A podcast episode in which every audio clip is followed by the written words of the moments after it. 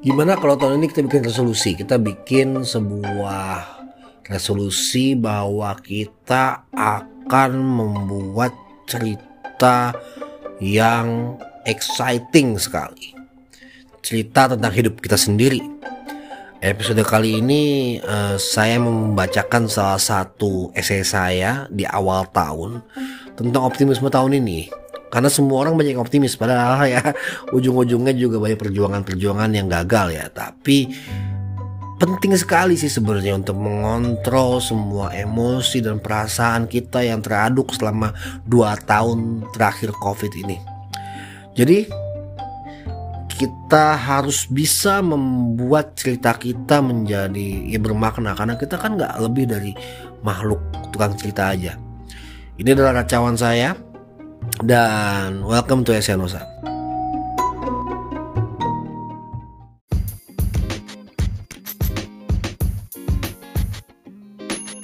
Halo, ini adalah podcast Esenosa, sebuah podcast yang membahas pemikiran-pemikiran saya, Nosa Normanda, seorang antropolog, filmmaker, penulis, dan musisi. Podcast ini adalah perpanjangan dari blog saya esenosa.com untuk menemani kamu yang sedang olahraga, nyetir atau sibuk tapi butuh diganggu oleh pikiran saya yang mendik ini. Oke yuk lanjut yuk, dengerin ya.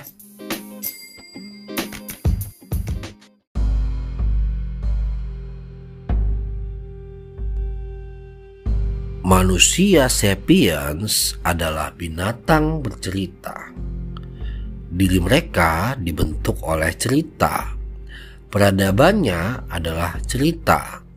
Mereka hidup dalam cerita dan menyumbang cerita. Cerita menjebak, cerita membebaskan, cerita merebak, cerita melegenda, menjadi mitos yang terinstitusi jadi agama atau negara, yang tidak terinstitusi menjadi dongeng belaka. Lalu di sinilah kita kawan. Dalam cerita-cerita yang sering kali tak ada logikanya. Cerita-cerita yang membangkitkan atau membunuh perasaan. Padahal apalah perasaan selain reaksi kimia dalam tubuh biologi kita. Cerita cuma berpengaruh kalau kita sensi saja.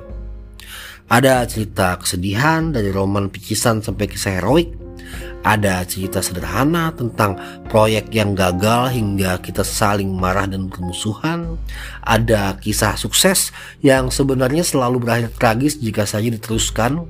Tidak ada happy dalam sebuah ending karena bahagia dan kesedihan berputar-putar saja dalam sebuah siklus mood dan hormon kesuksesan atau tragedi bisa berasa bahagia atau sedih tergantung obat apa yang ditelan.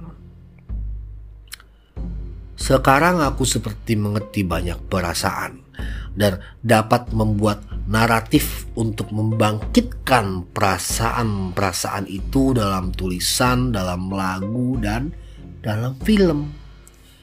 Tapi di saat yang sama kadang aku merasa kebas karena perasaan-perasaan yang ada dalam naratif karya itu akhir-akhir ini sulit untuk kurasakan jika aku berpikir logis bahwasanya rasa emosi itu tidak lebih dari interpretasi otak dan hormonku atas kenyataan. Dan jika aku mau tidak terbawa aku hanya perlu bernafas dengan teratur dan berpikir dengan terstruktur. Dan jika aku mau merasakannya aku hanya perlu immerse ke dalam naratif tersebut. Kemampuan untuk mengontrol emosi dan moodku tidak serta-merta membuatku kurang manusiawi seperti orang autis atau psikopatik juga manusia. Mereka hanya kurang empati. Emosi dan rasa kini keluar kalau aku capek atau menik dan aku langsung bisa tahu bahwa perasaan tidak enak hadir dari dalam diriku, bukan dari luar. Tidak seru, dan aku butuh ketidakseruan itu karena keseruan sering kali bikin musibah saja. Ini adalah racauan terbaruku yang menggunakan asosiasi bebas untuk mengungkapkan pikiranku dan ku cicil-cicil dalam waktu beberapa hari karena aku sedang sangat sibuk. Book yang menyenangkan karena emosiku dan moodku cukup terkendali dan konsisten. Buat aku bisa kerja sehari-hari. Semoga kamu pun begitu.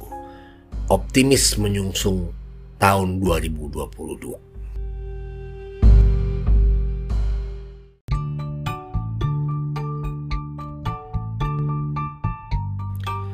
Terima kasih sudah mendengarkan podcast ini. Podcast dan blog Esenosa jalan dengan sumbangan. Kalau kalian suka yang kalian dengar, kunjungi link di deskripsi podcast ini atau ketik traktir.id slash. Sampai jumpa di podcast berikutnya.